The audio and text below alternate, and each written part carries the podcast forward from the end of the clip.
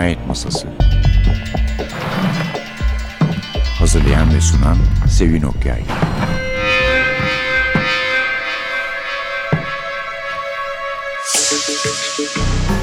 Merhaba, NTV Radyo'nun Cinayet Masası programına hoş geldiniz.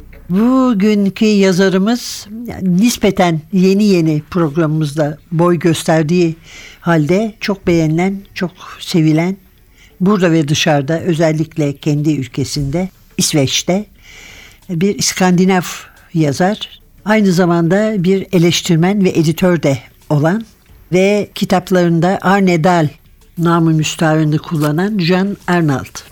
Biz Arne Dahl diyelim de karışmasın. Jean Arnold'un bizde en son çıkan kitabı 7 eksi 1. İngilizcesi Watching You. Orijinal ismi ise Arne Dahl'ın kitabının Utmarker. Dahl Intercrime dizisinin yazarı. Çok sayıda televizyon dizisi yazmış ve Opkop kuartetinin dörtlemesinin de yazarı. Kitapları 4 milyon satmış şimdiye kadar 32 dile çevrilmiş ve Almanya, Danimarka ve İsveç'in en büyük polisiye ödüllerini de almış. 2016'da yeni serisine başladı. İki dedektif üzerine kurulu Sam Berger ve Molly Blom. Bu kitap elimizdeki kitap, dinlediğimiz kitapta onların maceralarının başlangıcı. İlk kitapları 7 eksi 1 ve bayağı heyecanla okunan bir kitap ama zaten Arne Dahl için geçerli bu. Daha önceki kitaplarını okuduysanız. Belki de bir gazetede yazıyor olmasının da bu yüksek tempoda bir dahli var bilemiyorum. İsveç'in en büyük gazetesi Dagens Nyheter'de yazıyor. İki kitabını Barbarer ve Maria Oh Arthur'u kendi adıyla yayınlamıştı. Ama sonra Anedale geçti ve önce 10 bölümlük Intercrime serisini yazdı. A takımı var burada. İsveç'te polisiye olayları çözümlemek, kötü adamlarla diyeyim mücadele etmek için kurulmuş bir grup. Serinin 11. kitabı Elva 2008'de basılmıştı. 25'ten fazla dile çevrildi. Şimdi de karşımızda yeni serinin yeni kitabı var. Ellen Savinger 15 yaşında bir kız 3 haftadır kayıp. Sam Berger onu bir seri katilin kaçırdığını düşünüyor ama buna kimseyi inandıramıyor. Kendi ekibini de inandıramıyor. Zaten üssü olan alan ona bir yasak koymuş bu konuda. Ne basına ne arkadaşlarına söylemeyeceksin. Yani ağzından seri katil çıkmayacak diye. O da önce bunu dinliyor ama işler hızla gelişmeye başlayınca sözünde yemek zorunda kalıyor. Şimdi ise arkadaşımız Suha Çalkevik her zaman olduğu gibi bize kitaptan bir bölüm okuyacak.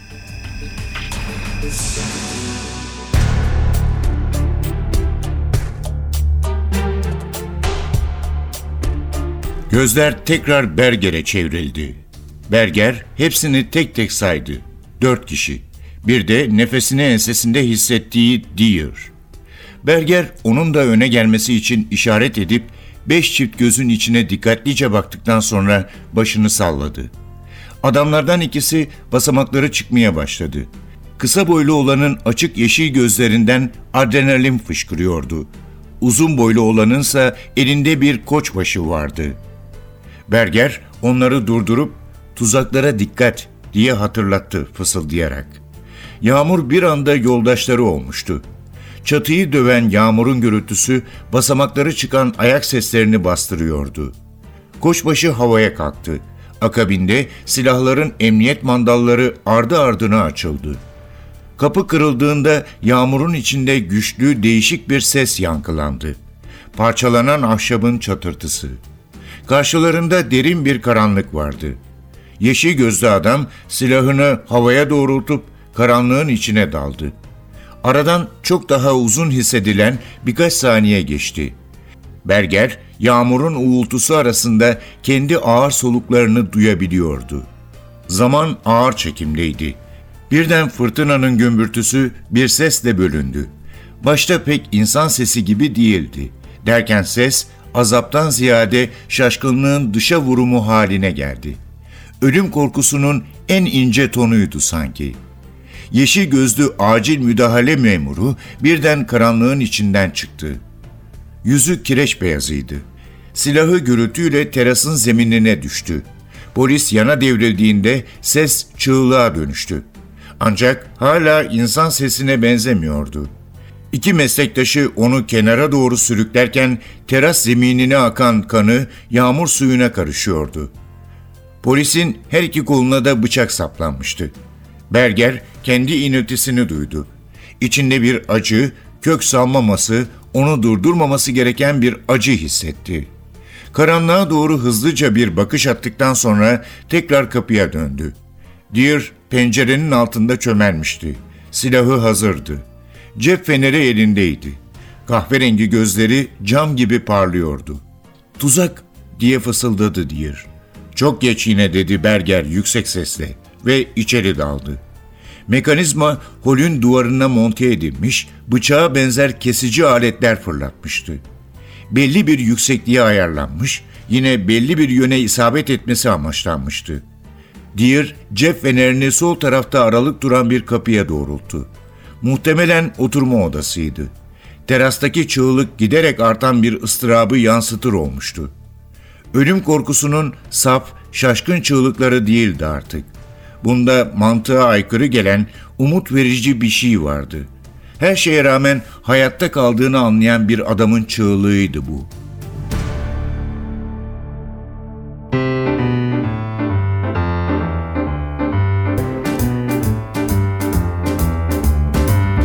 My baby don't care for shows.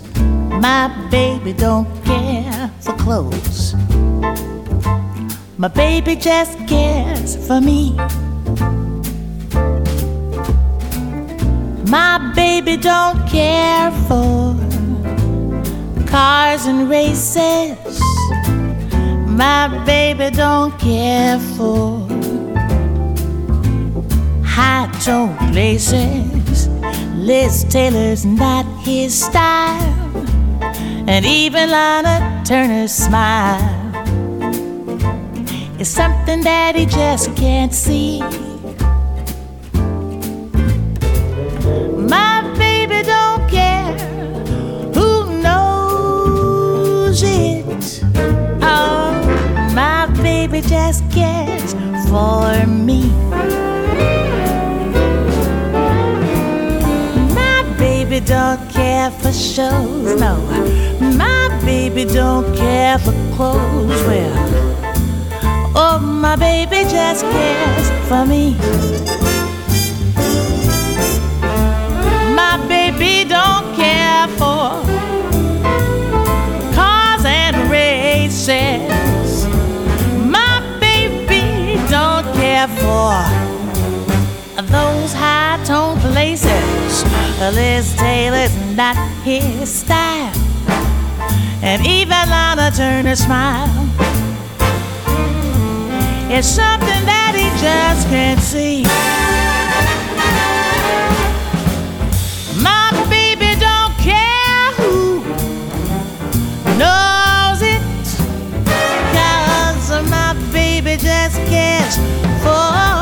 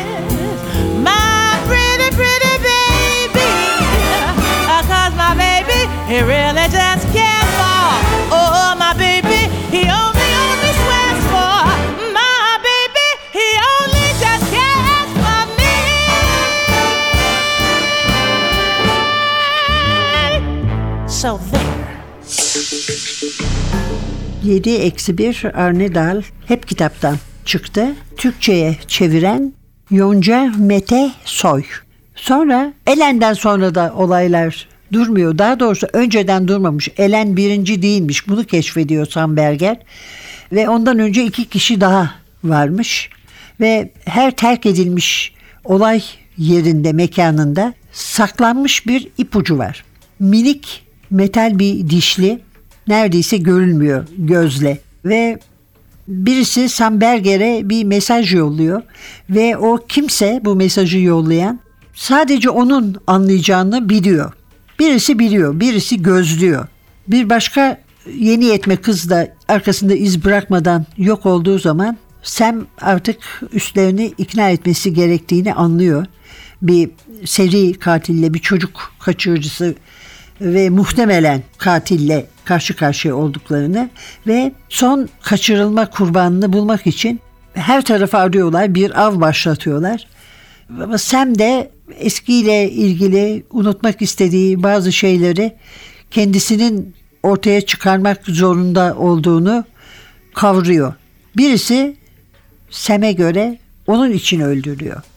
Buna benzeyen kitaplar fazlaca elimize gelmeye başladı. Demek artık böyle bir şey var diye düşünüyorum. Yani bu polisiyelerde her şey bir yere kadar yani şiddet bir yere kadar, vahşet bir yere kadar, işkence bir yere kadar ve ondan sonra daha farklı şeyler yapmak zorunda kalıyorsun ve bu da genellikle beyne, zihne, kalbe hitap eden şeyler oluyor. Bu da böyle bir kitap. 7 eksi 1 Arne Dahl. Eleştirmenler özellikle İskandinav olanları Arne Dahl'ın kitaplarını senaryo olmaya hazır kuzey noir gerilim kitapları olarak tanımlıyorlar. İnsanı sıkı sıkıya yakalıyor ve bırakmıyor. Daha kitabın birinci sayfalarında dedektif Sam Berger'le ekibe yerlerine yerleşmişler. Kaybolan kız Ellen Savinger'i bulma umuduyla terk edilmiş bir kulübenin önünde duruyorlar. İçeri dalmaya hazırlar.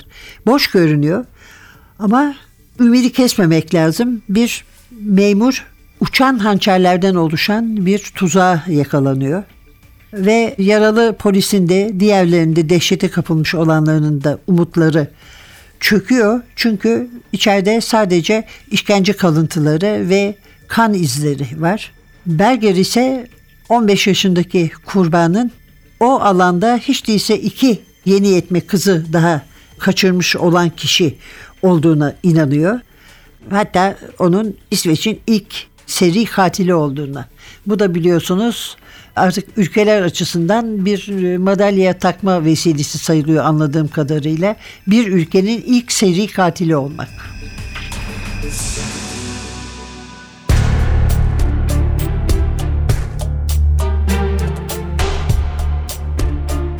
Her şeyi düzene sokmaları saatler sürmüştü. Şafak sökene kadar çalıştılar. Ortalığı temizleyip topladılar. Asılacakları astılar. Her şeyi düzene sokup yerleştirdiler. Kaskatı olmuş asker yeşili brandaya sarılı devasa bir paketi içeri taşıdıkları sırada ışıkları söndürebilecekleri kadar aydınlanmıştı hava.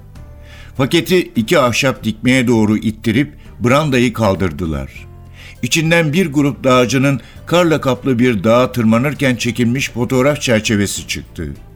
Dikmelere birkaç çivi çakıp tabloyu astılar. Sonra da tablonun iki kanadını açtılar. İçi onca yağmura rağmen kuru kalmış postitler ve başka kağıtlarla doluydu. Bloom, marangoz tezgahlarından birine gidip yıkadıkları sandalyeye oturdu. Tezgahın üzerinde birkaç protein içeceği şişesinden başka şey yoktu. Ardından valizlerden birini açıp eşyalarını yerleştirmeye başladı. Kablolar çıkarıp bilgisayarını çeşitli cihazlara bağladı. Bunlar sapo çantaları mı diye sordu Berger. Gizli görevlerde gerekebilecek bir tür hayatta kalma çantası bu. Bu çantalar hep araçta durur. Peki ya izlenme riski? İzini bulamıyorlar mı? Senin cep telefonundan sim kartını çıkardığıma göre böyle bir sorunumuzun olmaması lazım dedi Molly. Bu benim izi sürülemeyen cihazım hem de 4G bağlantılı. Ama veri tabanlarına ve iş bağlantılara erişemeyeceğiz değil mi? Büyük ölçüde erişeceğiz. Bu cihazın özelliği gizlendiğim yerlerde kimliğimi belli etmeden çalışabilmem. Ajanlığın sayılı avantajlarından biri işte. Berger başını sallayıp kayıkhanenin içine doğru bir bakış attı. İçerisi hala darmadağın ve bomboştu. Ama bu belki işe yarayabilirdi. Temel ihtiyaçlarımızı karşılayacak şeyler var mı? diye sordu Berger. Su, yatacak yer, tuvalet, soğutucu, ocak, yiyecek gibi. Su mu? dedi Bloom. Kapımızın önünde kocaman bir göl varken mi? Burası aslında denizin bir koyu. Tuzlu su. Ha tabii tabii. Birkaç bidon içmelik su ayarlamamız lazım. Bir de ufak bir buzdolabıyla mikrodalga fırın. Uyku tulumu ve yiyeceklerdi. Sabah olunca hallederiz. Ayrıntılara takılma. Para ayrıntıymış gibi gelmiyor bana dedi Berger. Kredi kartlarımızı kullanamayız. Molly Bloom bir kez daha valizine eğilip içinden 500 kronluk bir deste para çıkardı. Ajan nakdi dedi. Hadi bir protein içeceği iç, sızlanmayı kes, işe başla.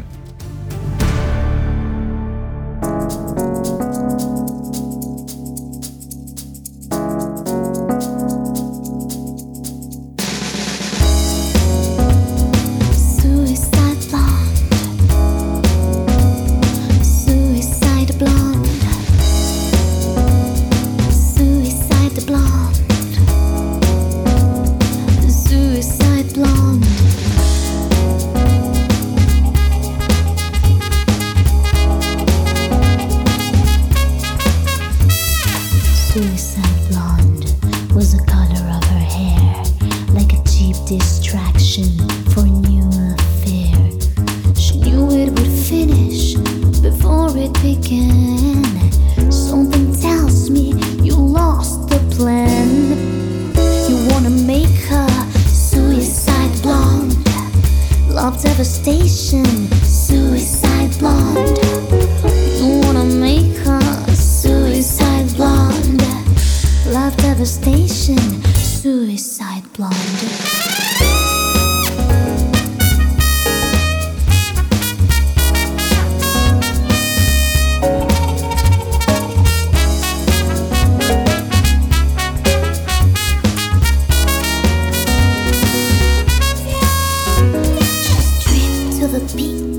but her clothes stayed on. White light everywhere, but you can't see a thing. I just squeeze a mad, sad moment. Glory to you, glory to you, take me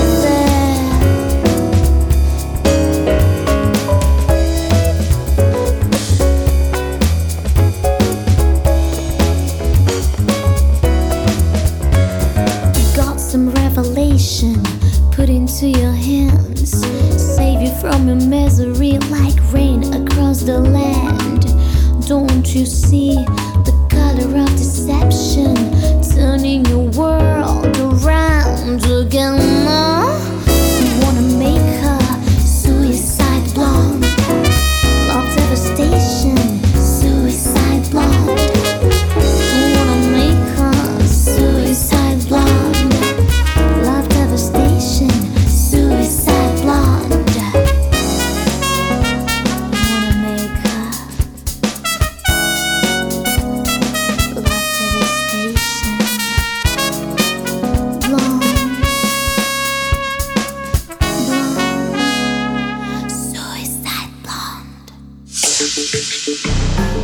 Yazarı anlatmaya geçmeden birazcık daha kitaptan söz edeyim. Sam Berger bizim polisimiz Natalie diye bir kadınla karşılaşıyor. Bu kadın bu yok oluşlar, kayboluşlar hakkında belli ki Sam'den daha fazla şey biliyor.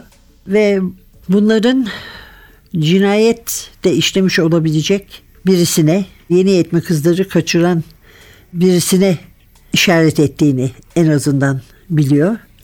Ve o arada Sem'in de geçmişi deşiliyor biraz ve bu olaylarla onun da bir bağlantısı olabileceği şüphesi uyanıyor. Evet efendim anlatmıştık Arnedalı biraz. İsterseniz hakkında daha fazla fikir sahibi olalım diye klasiklerine bir göz atalım. Yani klasik polisiyelerine en çok sevdiği polisiyeler. Onun gözünde klasik olanlar. Kolay bir seçim değil demiş. İnsan diyelim ki 80'lerin sonundan bir kitabın bir klasik sayılıp sayılmayacağı konusunda her zaman tartışabilir. Ama bence öyle. Onları tarih sırasına göre sıraladım. Herhangi bir iyilik kötülük sırası mevzu bahis değildir. Peki neymiş o zaman ilk kitabı? And Then There Were None. On Küçük Zenci Agatha Christie'nin 1939. Sonra 1972 atlamış bayağı burada yani bir Maestioval ve Pervalö kitabı var. The Room bir kilitli oda esrarı. Ondan sonra benim Türkçe'ye çevirip çevirmediğini bilmediğim 78'e çıkmış bir James Cromley kitabı The Last Good Kiss. Bir sonraki sırada John Le Carre'nin hem televizyona hem sinemaya uyarlanmış 1974'te basılmış bir kitabı geliyor. Biz Köstebek diye. Özgün adı Tinker Tailor Soldier Spy. Şimdi ben de şunu düşündüm acaba Arne gibi temposu olan birisi John Le Carre okurken neler hisseder? Demiş ki gerçekten sabırlı olmanız lazım okurken. Bundan hiç şüphe yok. Ve bazı kitaplarda o ağır tempo sıkıcı bile olabiliyor ama en iyilerinde, iyi kitaplarında nüansın ustası ve bence de bu kitap onun en iyi kitabı, yazdığı en iyi gerilim. Smiley'nin bu kadar geliştireceğini hiç tahmin etmezdim. Hakikaten bu kitapta Smiley çok çok yakından tanıyabildiğimiz artık bir karakterdir. Ve sonra da James Ellroy'un 1988'de yazdığı The Big Nowhere var. Ben bunu da okumadım, bunu da bilmiyorum. Ya da belki tanıyamadığımız bir Türkçe isimle basıldıysa tanıyamama nedenimiz budur bizim de. Evet efendim, bugünlük böyle tanıdığımız bir yazarın Arne Dahl'ın bilmediğimiz bir kitabı. Dahası yeni bir serinin ilk kitabı. 7 eksi 1 Utmarker yani Watching You kitabımızın adı. Hepten çıktı. Yonca Mete Soy Türkçe'ye çevirdi. Önümüzdeki hafta bir başka kitapla yeniden birlikte olmak umuduyla mikrofonda Sevin, masada Atilla. Hepinize hangi tempoda olursa olsun keyifle okunan polisiye kitaplar diler. Hoşçakalın.